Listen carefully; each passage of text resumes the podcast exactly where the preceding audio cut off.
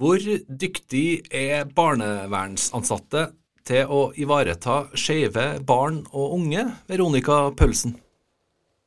Nei, det er jo litt både òg. De er ikke så flinke til å spørre om det, men når de først vet, så er det mange som gjør en veldig god jobb. Og det er vel det vi skal snakke om kanskje den neste halvtimen, regner jeg med. Det skal vi prøve å utdype i dagens Forskerpodden. Det stemmer.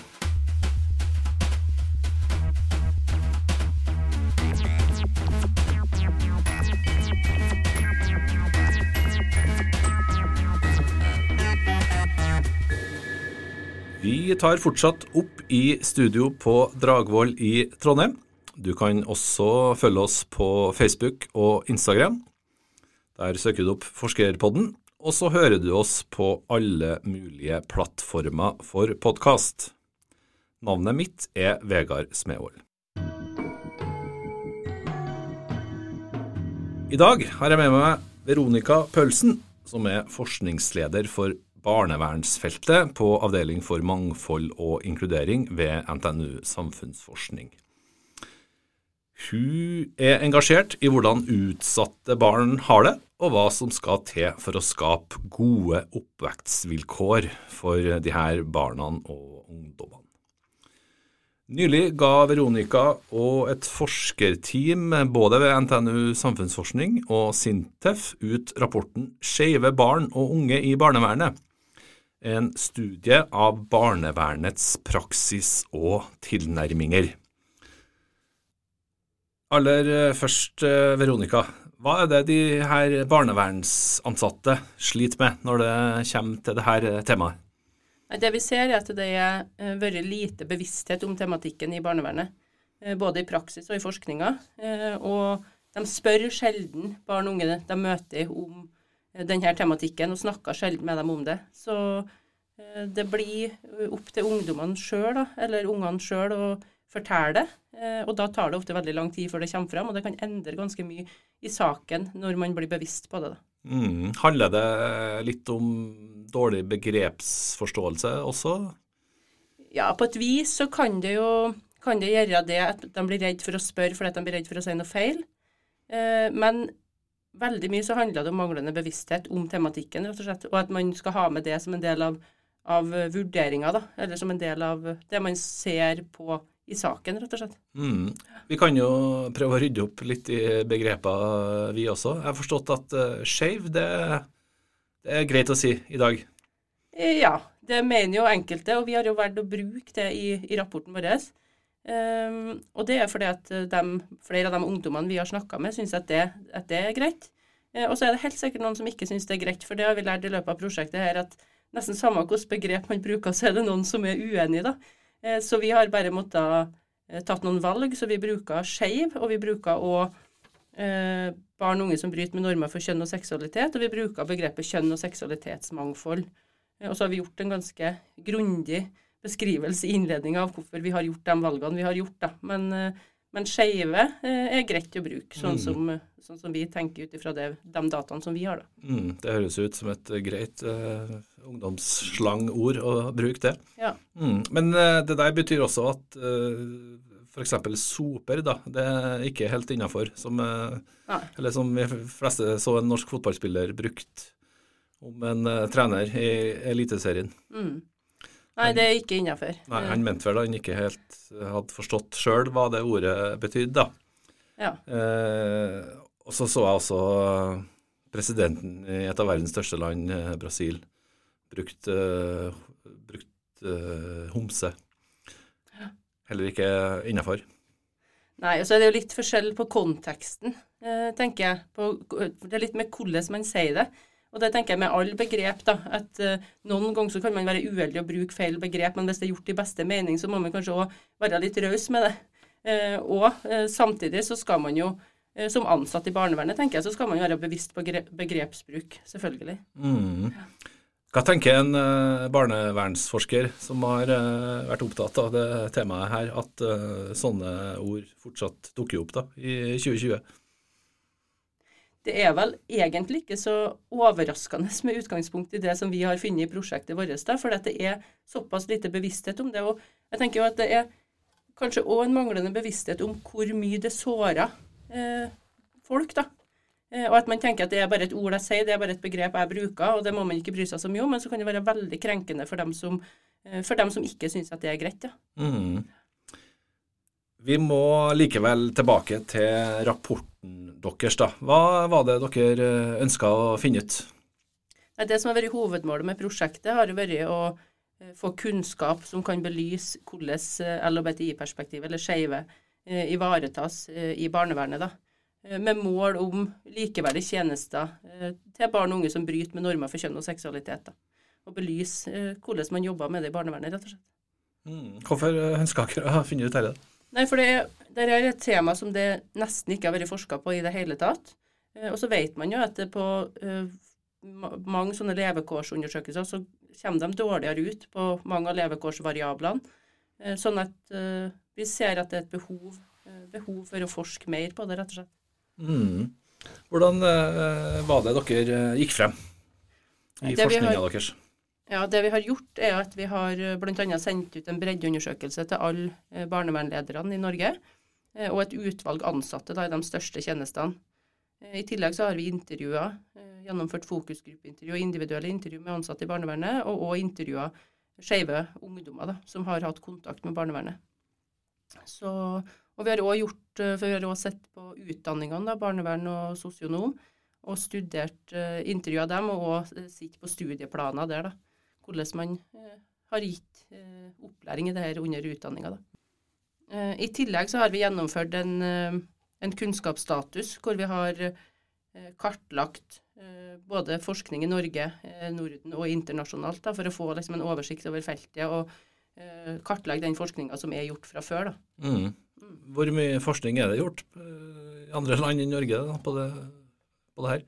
Veldig lite. Uh, og den meste av forskninga vi har funnet, er gjort i, i, USA. Men det er kun uh, når vi har gjort uh, søk, da, så er det kun 29 empiriske studier som vi har inkludert i den kunnskapsstatusen. Og det er veldig lite. I hvert fall når man gjør en sånn der oversiktsartikkel, da, så, så, er det veldig lite. Mm. Hva tenker du om at det har blitt forska så lite på? Nei, det er vel tegn på at det har vært et tema som man ikke har vært så opptatt av. da. Og så er det jo det er jo ikke nytt, men på et vis er det nytt at det har blitt mer fokus på det. da. Har det rett og slett vært et, eh, et ømt eh, tema? da? Jeg vet ikke egentlig det heller. Jeg tror det er bare det at det er en målgruppe som kanskje har vært litt usynlig.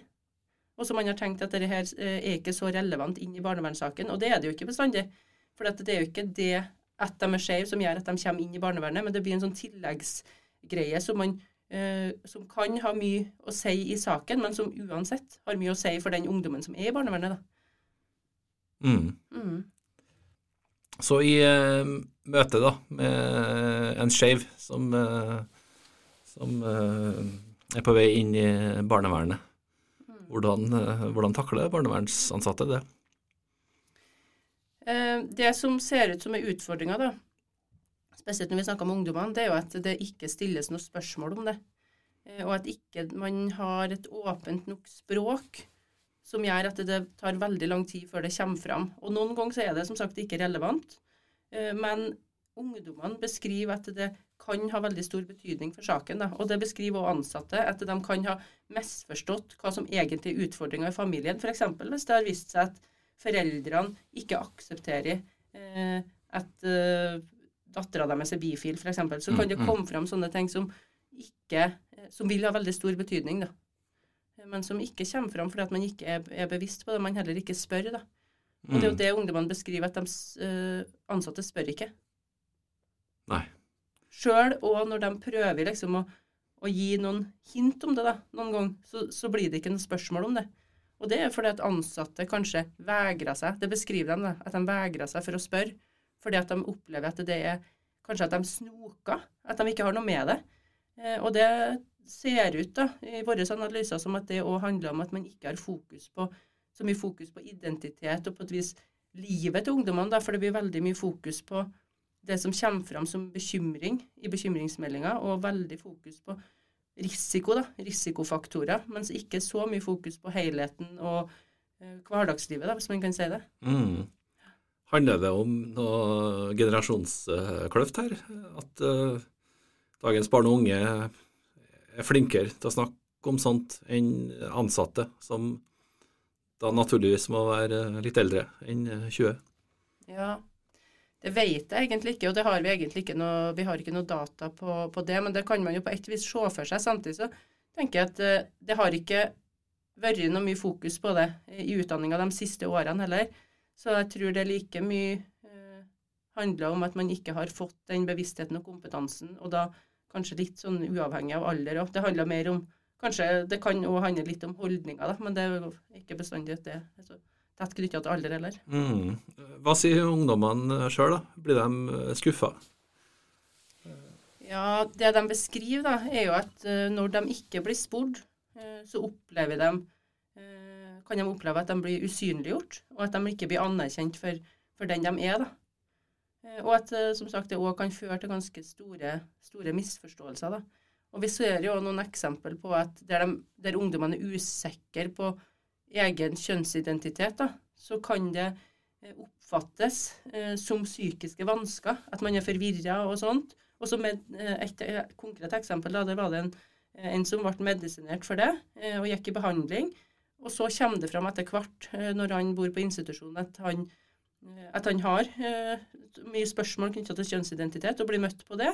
Og så går det mye bedre med en etterpå. Da. Mm. Sånn at uh, ungdommene er opptatt av at de skal bli, uh, bli møtt uh, for den de er. Da. Er det noen av ungdommene som føler at sånne spørsmål er snokete, eller er de aller fleste måtte klar for mer spørsmål rundt det. Mm. Uh, nei, ikke noen eksempel på at ungdommene syns at det er snokete. Uh, deres tydelige beskjed er at uh, ansatte må spørre mer, og at de må torde å spørre. Og at man ikke må være så redd for hvilke begrep man bruker. Man bare spør liksom Hva tenker du? Og spør mer knytta til identitet da, enn enn seksualitet og, og, sånne ting. For det er jo det ansatte ofte blir opptatt av i intervjuene med oss, er at de syns det er vanskelig å snakke om sex. Men det trenger man ikke, for det som egentlig spørsmålet det handler om identitet.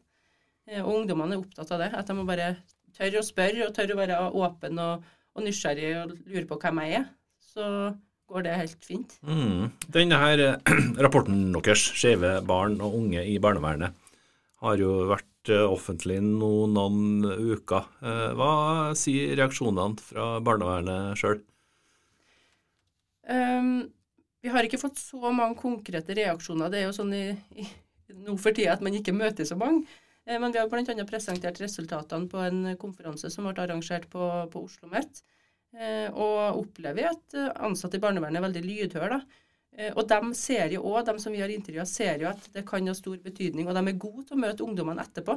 Når de først har fått vite om det, så er de kjempe, kjempegode til å møte dem. Eh, og da endra samtalene seg. Da snakka de mye mer om identitet, og det blir eh, helt annet fokus, da. Mm. Eh, så jeg opplever at ansatte i barnevernet jeg, syns at det er bra at de blir bevisst på tematikken. Mm. Så da er det noen kilo som letter fra skuldrene når isen er brutt, da? Mm. mm. Det virker sånn. Og for noen av de ungdommene her, så er jo den ansatte i barnevernet den første de forteller det til òg. Mm, mm. Sånn at da skapes det en relasjon som ungdommene beskriver som god. da. Mm. Etter, etter, man, etter, at det har kommet fram. Hva er deres eh, råd da, til ansatte i barnevernet? Nei, Vi må jo eh, for det første eh, viderebringe ungdommene sin tydelige beskjed om å torde å spørre. da, og ha fokus på det. Men òg mer sånn på strukturelt nivå så handler det om eh, kompetanseheving. Eh, både i utdanninga og i tjenestene, men òg det å ta inn det her som et, som et, fokusområde i en bredere forståelse av, av identitet. da. for det har jo vi har jobba i prosjektet med skal det her inn som et spørsmål i rutinene. Eh, for rutinene styrer veldig mye av det barnevernet gjør, mm. Eh, spesielt i undersøkelsesfasen.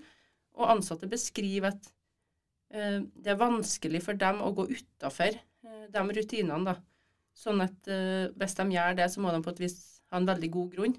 Så vi har vært litt skeptiske til å ta det inn som et sånt spørsmål i rutinene. Man tenker mer at det må inn som et fokus, eh, fokusområde. Da. Og hvis man skal ha veldig konkrete rutiner, så må det inn som et spørsmål. Mm. Hvis det skal inn som et spørsmål, da, eh, har dere noen tips til hvordan det første spørsmålet som bryter isen, kan være? Nei, vi har ikke eh, gått så mye inn på det, egentlig. For som sagt så mener vi at det heller må være liksom et fokusområde knytta til en større forståelse av, av identitet. Da. Men eh, da er det jo mer å spørre Det er nesten å spørre hvem hvem er du, hva er du opptatt av? Mm, mm. Egentlig så skulle eh, amerikanske Gary Mallon komme hit til Trondheim nå i april og delta på et uh, kveldsarrangement. Var det vi ble enige om? Uh, ja, frokostmøte, var det ikke det? Frokostmøte. Motsatt. Ja. Uh, det ble jo da naturligvis avlyst. Det skulle være på Litteraturhuset her i Trondheim. Vi utsatte til etter sommeren først, men nå er det foreløpig lagt på is. Mellon er en kjent internasjonal figur på dette feltet. Han er professor i barnevern ved et universitet i New York, og er også direktør for et nasjonalt senter for barnevern. Og har hatt interesse for LGBT-ungdom i 20 år en forskning som også har ført til endringer, både politisk og praktisk, da, i USA.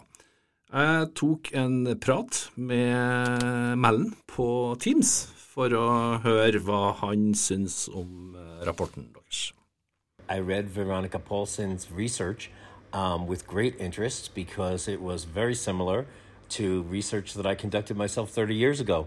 Um, I'm delighted that Veronica and her colleagues um, undertook this mission of looking at um, LGBTQ young people in foster care, um, and clearly they found some uniqueness to uh, the situation in Norway.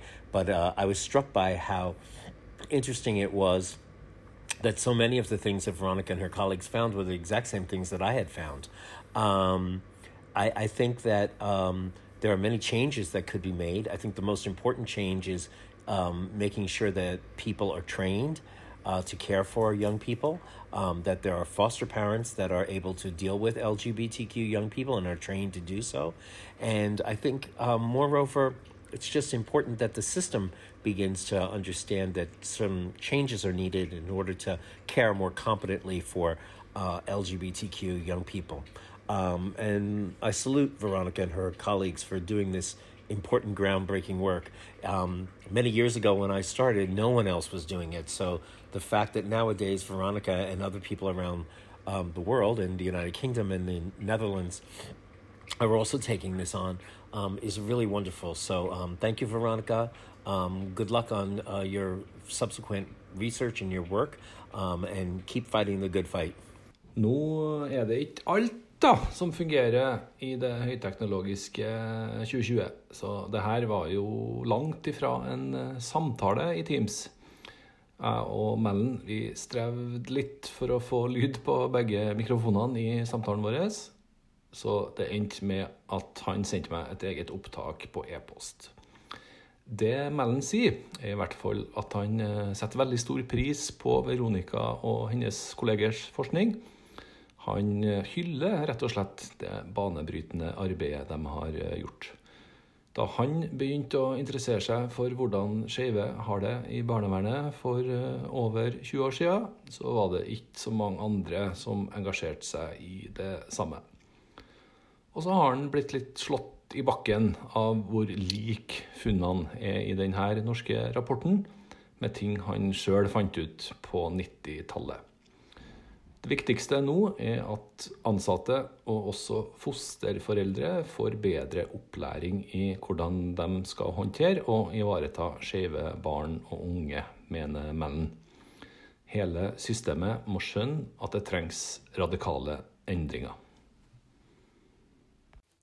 Det høres ut som eh, Mellen er enig i resultatene i rapporten eh, deres, eh, Veronica, mm. og kjenner seg igjen? Ja. Hva tenker du om det? Nei, Jeg har jo lest veldig mye av forskninga hans, eh, og det er jo mye av den forskninga som kommer fram når vi har gjort denne kunnskapsstatusen. Og vi ser jo absolutt at det er overførbart. Da. Og det er nyttig å se forskning på tvers av land, spesielt det som handler om erfaringene uh, til ungdommene. Da. Så det er Og så er det jo litt, uh, på et vis litt eh, overraskende at man ikke har, har kommet lenger, da. For at den forskninga hans legger jo ganske mange år tilbake i tid, noe av det. Mm. Dere har kjent til Mellen i flere år, eller?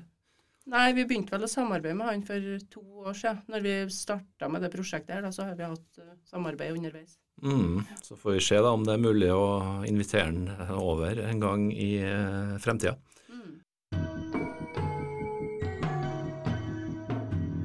Etter litt lite bevissthet rundt dette temaet, så har vi nå en uh, helt håndfast uh, rapport i hendene. Uh, hva tror du den kan føre til? Det jeg håper, da, det er at det fører til, til nettopp mer bevissthet. Men vi ser jo at direktoratet har allerede begynt å tatt den aktivt i bruk og er opptatt av, av resultatene fra den. Og jeg tror nok at det kan føre til, til en endring eh, ut i, i, praksis. da. Mm. Hvordan eh, har de begynt å ta den i bruk allerede? Nei, de har, eh, For det første så er de opptatt av å spre resultatene da, eh, for å sørge for kompetanseheving i, ute i tjenestene. Så de hadde en, blant annet, de sender ut et nyhetsbrev der den var var med øverst i det, det, nyhetsbrevet for å spre resultatene. Og så er det er de òg jobba med kvalitetsutvikling i, i barnevernet da, og tar det inn der. Mm. Har du og dine kolleger i Sintef og NTNU samfunnsforskning noe råd til barnevernsansatte til slutt? Eh, ja, det blir jo samme rådet som jeg sa i stad, egentlig. Mm, mm. At uh, man må, må torde å, å, spørre mer og ha et mer åpent språk. Spør mer, mer åpent språk. Ja. Hva med alle oss andre? Eh, skal vi nå bruke ordet skeiv og oppføre oss eh, som vanlig, eller, eh, eller, er det noe vi kan gjøre som en ekstra innsats? Nei, jeg tenker For det første så kan man jo bare spørre eh, hva, hva, de vil sjøl at man skal omtale dem som. Eh, og så er det Jeg tenker livet hadde vært lettere, så mye lettere for de ungdommene her hvis man bare hadde klart å akseptert folk sånn som de er. Og det var kanskje det vi kan gjøre, vi som ja, vanlige, vanlige, folk i samfunnet, på et vis. Og gi mm. folk anerkjennelse for den de er. For det at utfordringene som oppstår, oppstår jo pga. at man ikke blir møtt med anerkjennelse, eller at man blir møtt med krenkelse fra dem rundt seg. Det er jo ikke eh, det å være skeiv i seg sjøl som er utfordringa. Nei. Hvordan eh, kan denne eh, bremsen, da, hvis vi skal kalle det, i barnevernet gjøre med livet til de ungdommene her? Hva er det den første opplevelsen med barnevernet kan Det kan jo føre til at det tar lang tid før det, før det, kommer fram at det kan endre forståelsen i saken etter hvert. Men jeg tror utfordringa har jo oppstått før de kommer i barnevernet. Da er det jo nettopp den manglende anerkjennelsen fra dem rundt. Det kan jo være, det kan være foreldre. Det er jo ofte det som er, hvis de er i barnevernet, i hvert fall som er i barnevernet på grunn, på grunn av det. da. Eh, men det kan òg være manglende anerkjennelse fra venn, venner, naboer og fra alle oss Eh, oss andre som er, som er rundt. Mm. Vi får uh, tenke at anerkjennelse er et uh, viktig begrep her. Mm. Takk for uh, praten, Veronica Pølsen. Takk for praten. Jeg heter Vegard Smevold. NTNU Samfunnsforsknings egen podkast heter Forskerpodden, og vi høres neste gang.